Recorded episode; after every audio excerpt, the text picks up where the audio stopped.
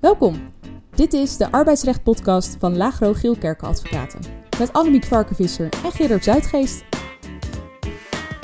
In iedere aflevering bespreken zij op luchtige wijze actualiteiten in het arbeidsrecht.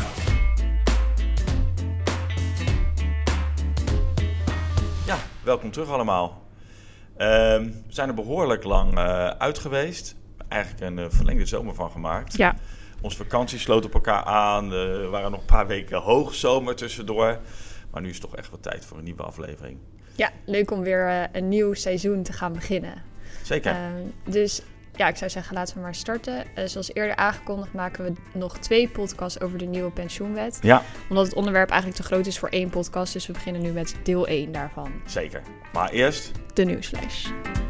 Wat moet je weten? De nieuwsflash.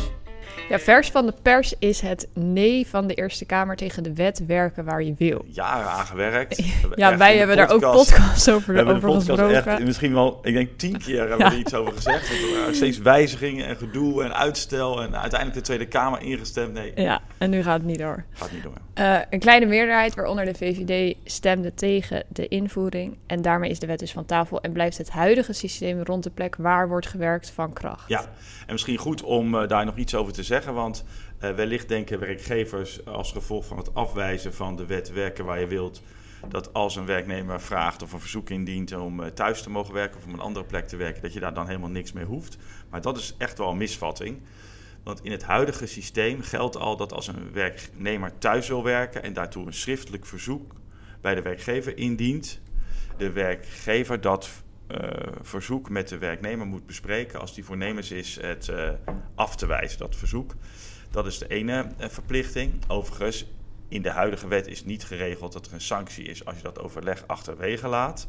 Maar er is wel geregeld dat als je niet tijdig beslist als werkgever, en tijdig is binnen een maand voordat eh, het door de werknemer beoogde thuiswerken zou moeten ingaan, dan geldt het verzoek van de werknemer als ingewilligd. Dus doe je niks als werkgever, dan, eh, of, of eh, alleen mondeling iets, dan geldt het verzoek van de werknemer om thuis te werken als ingewilligd. En als je dat wil voorkomen als werkgever, moet je dus schriftelijk en serieus daarover een besluit nemen. Ja. Overigens heeft de werkgever die dat vergeet nog wel een reddingsboei. Hè, die kan nog alsnog een schriftelijk besluit nemen, maar mag dan alleen maar daarvoor argumenten gebruiken die zijn opgekomen na de aanpassing eh, van eh, de arbeidsplek. Dus dat is wel een kleine reddingsboei, maar niet zo, misschien niet zo eenvoudig te, te gebruiken. Dus werkgevers, ook al is de wet niet ingevoerd, toch serieus kijken naar verzoeken van werknemers eh, om thuis te werken. Ja, daarnaast heeft ehm, al aan het begin van de zomer minister van Gennep een kamerbrief, in een kamer- kamerbrief aangekondigd dat het verlofstelsel zal worden vereenvoudigd. We Ja, hebben natuurlijk nu allerlei, ja, we hebben allerlei soorten verlof. Dat is de laatste jaren ook steeds uitgebreid. Dus bijvoorbeeld het geboorteverlof, het aanvullend geboorteverlof, het betaald ouderschapsverlof. Dus er werd steeds ietsje meer. En het plan is om dit stelsel duidelijker en dus eenvoudiger te maken. Ja, Maar er is nog geen concreet wetsvoorstel, dus zodra dat er is, zullen we jullie daarvan op de hoogte Ja, de brengen. minister wil geloof ik ook onderzoeken of er meer, meer verloven ook be- doorbetaald gaan worden of deels doorbetaald gaan worden. Ja. En zodra dat eh, in een wet wordt gezet, dan zullen we daar nader over informeren. Ja, misschien Ja. ook nog als laatste, want we hebben misschien een kortere, wat kortere nieuwsfles, omdat het verhaal over het pensioen best wel fors is. Eén dingetje pakken we dan eh, toch maar eruit en dat is dan de lerares die op staande voet werd ontslagen na het klassenuitje naar de, naar de, F, naar de Efteling. Ja. Dat blijft natuurlijk toch wel een, grappige zaak, ook in de media geweest. En nou, eh, jullie kennen misschien de feiten al een beetje. De werknemers en lerares die, eh, die mocht, dacht, had voorgelegd, eh, we gaan of naar de expo of naar de Efteling. En eh, nou, eh, de Efteling was eigenlijk te duur, dus dat, dat kon dan niet. Had zij dan geregeld dat met financiering van elders, dat kinderen toch naar de Efteling konden. Nou, so far so good. Maar ze had de school daarover niet geïnformeerd. Mhm. Ze had daarover in het schoolkrantje een verslag gemaakt alsof ze Naar de naar expo, de expo was. was, geweest. Ja. En ze had tegen de leerlingen gezegd: Ja, je mag niks zeggen hoor, want tegen thuis ook niet, Mhm. dat we naar de Efteling zijn gegaan. Nou, daar kwam men achter bij het uitlezen van, de, van de, De busjes, toch? het busje. Ja. Ja. dus dat, dat, kennelijk zat daar een dingetje in waarin je kon zien waar die was geweest. Nou, toen ontstond natuurlijk eh, ellende in de, in, in de tent en werd ze op staande voet ontslagen. Nou, het ontslag op staande voet hield bij de kantonrechter. Mhm. Ook al eh, was hij wel overtuigd van de goede bedoelingen van de werknemster. Maar door, voor de kantonrechter was niet het voorliegen het belangrijkste argument. Ook niet dat zij een verkeerd verslag had gemaakt. Maar was het belangrijkste argument, ze had A, geen toestemming om met de klas naar de eh, Efteling te gaan. En belangrijk is, ze had daarvoor onvoldoende begeleiding geregeld. Mhm. En daarmee heeft zij in de visie van de, van de rechtbank een onaanvaardbaar risico genomen, hetgeen tot zeer ernstige gevolgen had kunnen leiden. En door het onprofessioneel en eigenmachtig optreden van de werknemster wisten school en ouders van kwetsbare kinderen niet waar zij eh, een groot deel van de dag eh, waren. En dat was voor de kantonrechter de centrale overweging om dat Mm. op slag op staande voet goed te keuren. Want het had inderdaad ook echt wel mis kunnen gaan. Ja, zeker.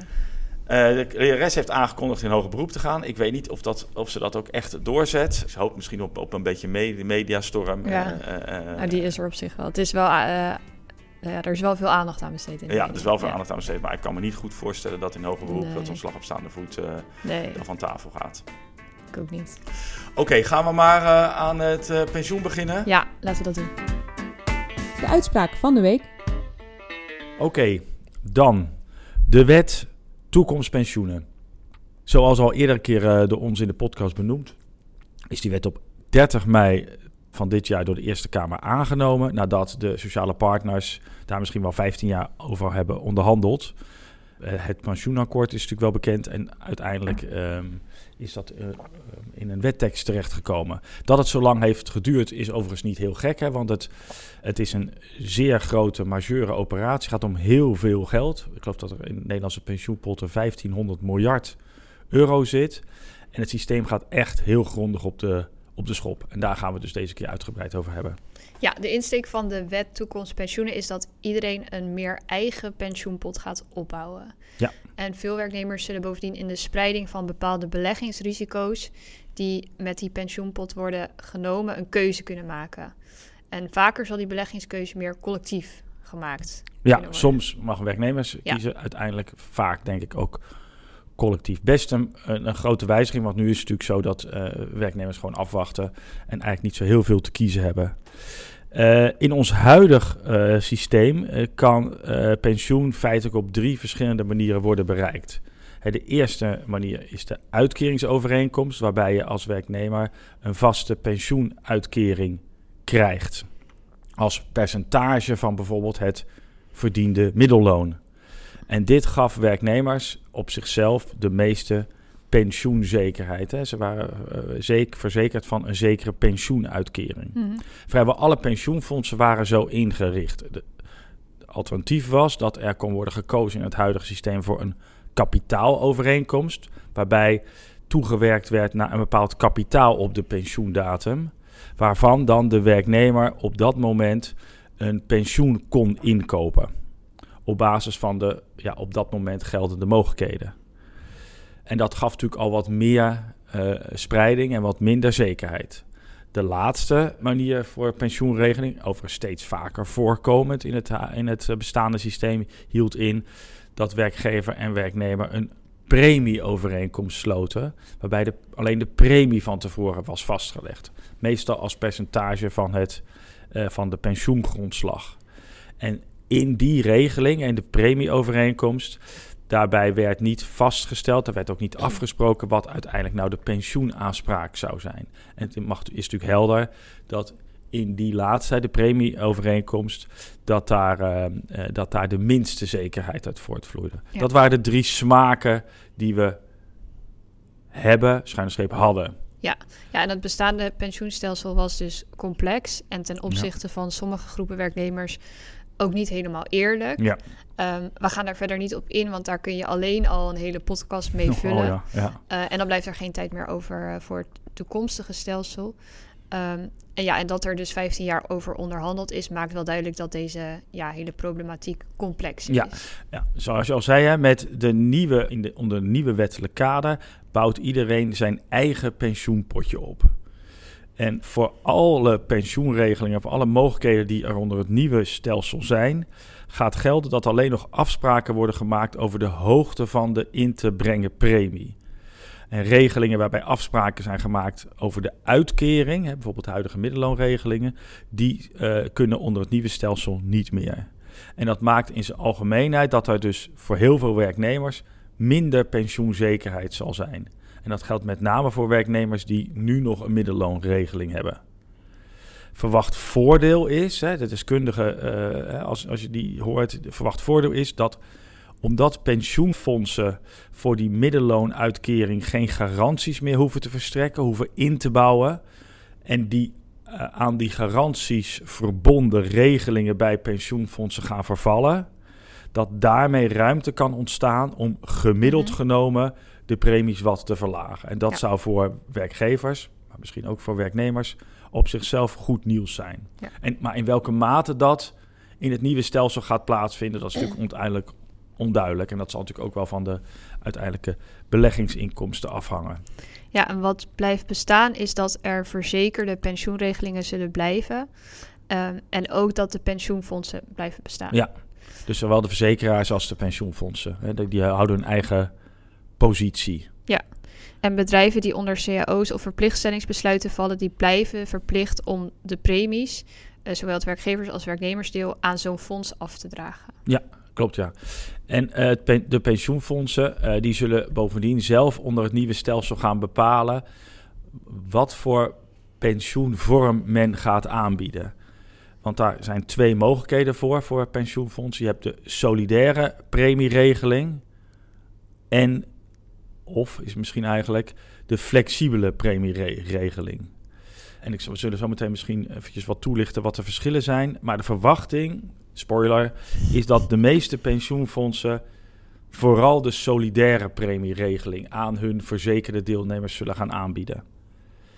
En bij die solidaire premieregeling worden beleggingsrisico's met andere pensioendeelnemers gedeeld winst en verlies wordt dan als het ware in één potje verdeeld. Iedereen krijgt daar wel zijn eigen aandeeltje van. Hmm. Maar als er het meer of minder uh, beleggingsresultaat is, dan worden, worden die mee- en tegenvallers collectief verdeeld. En, uh, en er wordt ook dan in die solidaire regeling op basis van een collectieve gemiddelde risicohouding van deelnemers belegd. En dus deelnemers kunnen dan wel met elkaar aangeven... nou, ik wil veel risico nemen, ik wil minder risico nemen... ik wil eigenlijk zo, zo min mogelijk risico. En daar wordt één grote gemene delen van gemaakt. En dat zal eh, de, de beleggingshouding van het pensioenfonds bepalen. En er zal dus dan geen individuele vrijheid van de deelnemers zijn... om zelf een eigen beleggingsprofiel te kiezen. Gaat dus best veel lijken op hoe de situatie nu bij pensioenfondsen is. Behalve dat er dus geen zekerheid meer is voor wat betreft de uiteindelijke pensioenuitkering. En het alternatief, hè, de flexibele pensioenpremieregeling, daar is wel de mogelijkheid opengehouden dat winsten en verliezen uh, voor de eigen rekening van de individuele deelnemer komen. Wel kan in zo'n flexibele premieregeling een risicodelingsreserve worden aangehouden door het pensioenfonds waarbij er toch een soort collectief element in de risicoverdeling gaat gelden. Nou, het zijn allemaal best wel uh, beladen termen en de verwachting is dus dat de pensioenfondsen voor de solidaire premieregeling zullen gaan, uh, waardoor hun eigen positie als pensioenfonds, als beheerder van een grote pot, hè, die collectieve pot winst en verlies, belangrijk blijft. Maar wat het ook wordt, hè, of die pensioenfondsen nu het individuele pensioenfonds nu een solidaire premieregeling gaat aanbieden of een flexibele premieregeling gaat aanbieden. Uh, voor alle deelnemers van zo'n fondsregeling gaat hetzelfde premiepercentage gelden. Dus die, waar je nu vaak ziet dat de omvang van de premie leeftijdsafhankelijk wordt, ja. wordt in de toekomst de premie leeftijdsonafhankelijk. En die blijven die, als je bij het pensioenfonds bent blijft aangesloten, eigenlijk gedurende je hele leven betalen, tenzij in collectieve zin hè, tussen de sociale partners of door het pensioenfonds een ander premiepercentage wordt afgesproken. Maar dat is niet meer afhankelijk van de leeftijd. En hoe hoog dan uiteindelijk de uh, pensioenpremies zullen worden, zal per pensioenfonds worden vastgesteld. Pensioenverzekeraars, hè, dat is de andere kant. Hè. Je hebt dus pensioenfondsen en ook nog de pensioenverzekeraars. Die kunnen die al benoemde uh, vormen aanbieden. Solidaire premieregeling en flexibele premieregeling. Maar hebben ook nog de mogelijkheid om een wat ze noemen premieuitkeringsovereenkomst te gaan aanbieden. En in die regeling is er nog veel meer vrijheid voor individuele deelnemers mogelijk. En de verwachting bestaat dat de meeste pensioenverzekeraars ook die ruimte daadwerkelijk zullen gaan bieden. En ook dan geldt overigens, ook bij verzekeraars, dat de leeftijd niet meer bepaalt welke premie er wordt betaald. Die zal leeftijdsonafhankelijk zijn. Oké, dus samengevat, drie soorten regelingen in de toekomst. Leeftijdsonafhankelijke premies en afhankelijk van de keuze van het pensioenfonds en de verzekeraar meer of minder individuele keuzes en mogelijkheden. Ja. Ehm, nu hebben we voor ongeveer 1500 miljard euro aan pensioenpotten staan. Hoe gaat het dan daarmee? Ja, wat, wat, met wat er op opgebouwd is, bedoel je? Ja, de, oh, ja oké. Ja, pensioen dat is opgebouwd onder een andere overeenkomst dan de huidige premieovereenkomst. Dus een premieovereenkomst is, die worden vaak nu al door verzekeraars aangeboden. En die zou, daarvoor zou een werkgever kunnen kiezen om die voor de lopende werknemers, voor de bestaande populatie voor te zetten. Daar kom ik zo meteen op terug. Maar voor al het andere, dan wordt dat omgerekend naar een, ja, naar een premieovereenkomst nieuwe stijl. En wordt het bedrag vervolgens in de nieuwe, meer individuele pensioenpot ingebracht. Dat, dat wordt, hè, die, die, dat proces van dat inbrengen van de, dat omrekenen en inbrengen van de collectieve uh, naar een individueel potje, dat wordt invaren genoemd. Overal lees je van, nou, er wordt ingevaren en het is allemaal moeilijk dat invaren. Maar dat is dus de omzetting van de collectieve pot naar de verschillende individuele potjes. Zoals ik al zei, niet voor alle bestaande pensioenen moet er worden ingevaren. Maar het is wel de bedoeling van de wetgever dat dat zoveel mogelijk gebeurt. En de verwachting is ook dat ja, alle of vrijwel alle pensioenfondsen alle lopende pensioenen zullen willen gaan invaren. En dat geldt dan, dan niet alleen voor de thans nog werkende pensioendeelnemers die dus op, die dus op termijn pas een pensioenuitkering gaan krijgen maar ook voor de huidige pensioengerechtigden. Want alle lopende pensioenregelingen komen te vervallen en zullen dus opgaan in die nieuwe ingevaren regeling. Er blijft alleen de nieuwe regeling over. Alleen onder hele bijzondere omstandigheden zal er niet hoeven te worden ingevaren. Wanneer dat wel en niet moet, hè, dat valt denk ik buiten het bestek van deze podcast, maar dat is heel mhm. gedetailleerd. Maar er is één uitzondering die wel het benoemen waard is, en dat is de werkgever die nu bij een verzekeraar een beschikbare premieregeling heeft. Ehm, die, die werkgever die kan ervoor kiezen om voor de huidige deelnemers en pensioengerechtigden niet in te gaan varen, maar om de bestaande pensioenregeling feitelijk te laten doorlopen. En alleen nieuwe werknemers onder een nieuwe pensioenregeling te laten vallen. En uh, omdat die pensioenpremieregeling overeenkomst al best wel veel lijkt op wat er in het huidige, nee, in het nieuwe stelsel wordt beoogd. Behalve dat er dan geen individuele pot is. Dus dan kan de bestaande populatie kan de huidige pensioenverzekering voortzetten. En de nieuwe populatie van werknemers krijgt dan een nieuwe regeling op basis van de nieuwe wet. En die werkgever, zo'n werkgever die daarvoor zou kiezen, die heeft die, die maakt dus een knip. En die heeft straks twee pensioenregelingen. Eentje voor het huidige zittend personeel en de pensioengerechtigden. En eentje voor het nieuwe personeel. En natuurlijk zal met het verloop van de tijd de bestaande pensioenregeling dan langzaam uitfaseren. Die mensen gaan met pensioen en sterven uiteindelijk. En de nieuwe regeling aan belang toenemen. Hmm. En uiteindelijk blijft dan natuurlijk alleen nog maar de nieuwe regeling eh, bestaan. Maar dat kan wel tientallen jaren duren. En overigens zal het ook in die situatie uh, arbeidsrechtelijk mogelijk blijven om de enkele werknemers of pensioengerechtigden die met het verloop van de tijd nog in die oude regeling zitten, dan over te gaan hevelen naar de tegen die tijd veel grotere nieuwe regeling. Maar die problematiek hè, van het dan overstappen, ja, die zal natuurlijk pas ruim na 2030 aan de orde komen. Ja, want pas per 1 januari 2028 eindigt de overgangsperiode. Dan moeten dus alle regelingen zijn aangepast. En in theorie kunnen sommige werkgevers er dus voor kiezen, ehm, alleen de werkgevers die een beschikbare premieregeling Mhm, hebben, Ja, om iedereen die tot 1 januari 28 in dienst treedt, in de bestaande pensioenregeling te laten instromen en het personeel dus daarna pas in een nieuwe regeling te laten ja, instromen. ja, klopt, ja. ja. De verwachting is wel dat pensioenfondsen al eerder zullen overstappen naar een nieuwe regeling. En werkgevers en werknemers die daar verplicht onder vallen, zullen dus ook al eerder ehm, met die voor hen verplichte overgang te ja, maken krijgen. Ja, eh, de verwachting is inderdaad dat pensioenfondsen die nu dus een middelloonregeling hebben en die dus niet kan worden voortgezet, ook niet voor de bestaande populatie. Ja, de verwachting is dat die dus echt al eh, maar zeggen, ruim voor 1 januari 28 daadwerkelijk zullen overstappen en dan al die pensioenregelingen moeten worden omgezet. Ja, ja klopt.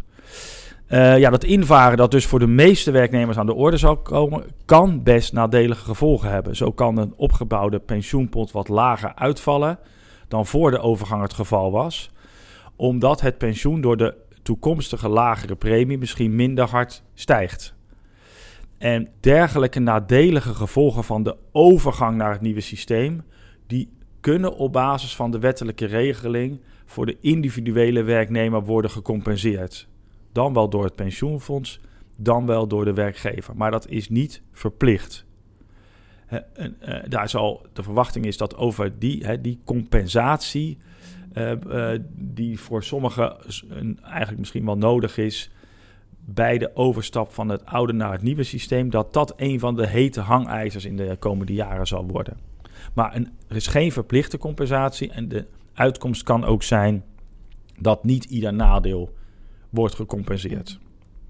En, omdat de ondernemingsraad, gaan we weer een beetje terug naar het arbeidsrecht, omdat de ondernemingsraad moet instemmen met nieuwe pensioenregelingen, behalve natuurlijk als het pensioen integraal al in de CAO is geregeld, dan zal in het overleg met de ondernemingsraad, ja, verwacht ik, vrij regelmatig over dit soort compensatievraagstukken onderhandeld gaan worden. Ja, en wat dat betreft is het op zich opmerkelijk dat tegen het invaren zelf dus geen bezwaar kan Ja, worden want gemaakt. het kan een, na- een nadelig effect Precies. hebben, maar je kan er geen bezwaar tegen maken. Precies. Ja. De wetgever heeft er ook eh, ja, uitdrukkelijk voor gekozen om bezwaar tegen invaren uit te sluiten in de wet. Ehm, en in het kader van de uitvoerbaarheid van de overgang is dat natuurlijk wel begrijpelijk. Zeker, anders zou het natuurlijk een, be- een bende Ja. worden. Ja, als iedereen bezwaar zou gaan maken Mm. tegen, de, tegen het invaren eh, zelf. Ja, en dan terug naar de comp- compensatie. Hè. Eh, hoe hoog eh, de compensatie in voorkomende gevallen zou moeten zijn, of wat redelijk zou zijn, dat is een kwestie van onderhandeling door, laat maar zeggen, in eerste instantie de sociale partners. Hè. Als het pensioen via de CAO verloopt. Want dan wordt op dat niveau tussen werkgeversorganisaties en werknemersorganisaties die met elkaar de CAO afspreken. En als in die CAO pensioen ook is geregeld, dan gaan zij over in welke mate eventuele nadelen zullen worden gecom- gecompenseerd. Zij gaan ook over vraagstukken rondom premie, eh, premiepercentages en de hoogte van premies. En zullen werknemers, individuele werknemers en werkgevers het met de uitkomsten van die onderhandelingen moeten doen. Als het natuurlijk gaat om een pensioenregeling die niet in de CAO is geregeld, dan, is, is, dan vinden de onderhandelingen natuurlijk primair plaats tussen de werkgever en de ondernemingsraad. Hè, die toestemming of instemming moet met ehm, eh, de nieuwe pensioenregelingen. En ik zeg het nog maar een keer, hè, voor zover eh, het pensioen in de CAO is geregeld, en mijn er- verwachting is, is dat dat in toenemende mate het geval zal, eh, zal zijn omdat vakbonden misschien wel eh, dit op de agenda van CAO-overleggen gaan zetten, zodat ze ja, nog wat een sterkere invloed eh, zullen kunnen krijgen. Maar eh, als dus dat alles, als alles qua pensioen via de CAO is geregeld, dan heeft de ondernemingsraad en de individuele werkgever natuurlijk eigenlijk niks in de melk te brokkelen en is er ook geen instemmingsrecht. Maar als, dat, als die discussie wel speelt op individueel werkgeversniveau, en dan zal in het kader van de compensatiediscussie moeten worden berekend welke groepen er op voor- en achteruit gaan bij de invoering van het nieuwe pensioen. In beginsel zullen pensioenverzekeraars en, eh, en pensioenfondsen die eh, berekeningen gaan maken. Maar het kan ook zijn dat individuele werkgevers dat moeten gaan doen. En dan moet voor verschillende leeftijdscohorten in kaart worden gebracht wie ervan profiteert en wie niet. En, en welke eh, pensioengerechtigden profiteren en welke niet. Nou, dat, dat, dat is best een technisch ingewikkeld ingewikkelde zaak. Maar als nou wordt vastgesteld, joh, er is een groep die erop achteruit gaat, dan kan er compensatie aan de orde komen. En compenseren kan op verschillende manieren. Bijvoorbeeld door een bedrag ineens uit te betalen aan een individuele werknemer of een groep van werknemers. Door bijvoorbeeld het loon te verhogen. Uh, of door een compensatiefonds in te stellen in, het, in de pensioenregeling. Hè. Dat laatste ligt natuurlijk bij pensioenfondsen. En de strijd bij veel werkgevers zal dus, denk ik, vooral over compensatie gaan. Maar daarvoor zijn, zoals ik al zei, eerst goede berekeningen nodig. Want wie gaat nadeel leiden en hoeveel dan? En vervolgens, uh, ja, hoe gaan we dan compenseren? Maar voor de goede orde, de wetgever heeft gezegd... Het is niet de bedoeling dat de invoering van dit nieuwe pensioenstelsel tot hogere lasten bij werkgevers gaat leiden. Dus het moet uit de lengte of uit de breedte komen. Maar als je als, en dat zal voor veel werkgevers gelden, als jouw pensioen in de CAO is geregeld, dan hoef je als werkgever waarschijnlijk niets of maar heel weinig te doen, omdat sociale partners het dan gaan regelen. We hebben dus allemaal theorie nu. Ja. Is het het goede moment voor een, voor een knip? Ja, ik denk het wel. Want we hebben denk ik nu gewoon een beetje de basis gehad en de compensatie. En dan kunnen we het volgende week hebben over wat het nou concreet voor gevolgen voor de werkgever heeft. Ja, ik hoop niet dat er al heel veel ongelukken op de snelweg zijn gebeurd, want mensen in slaapgrap zijn gevallen. Met, nee, daarom is het denk ik beter om, dit, pensioen. om nu even te stoppen. Oké, nou dan bedanken we jullie voor, voor, voor het luisteren. Kijken jullie natuurlijk nou uit naar de volgende keer. Ja. Gaat ook weer over pensioen. Ja. Tot dan. Tot dan.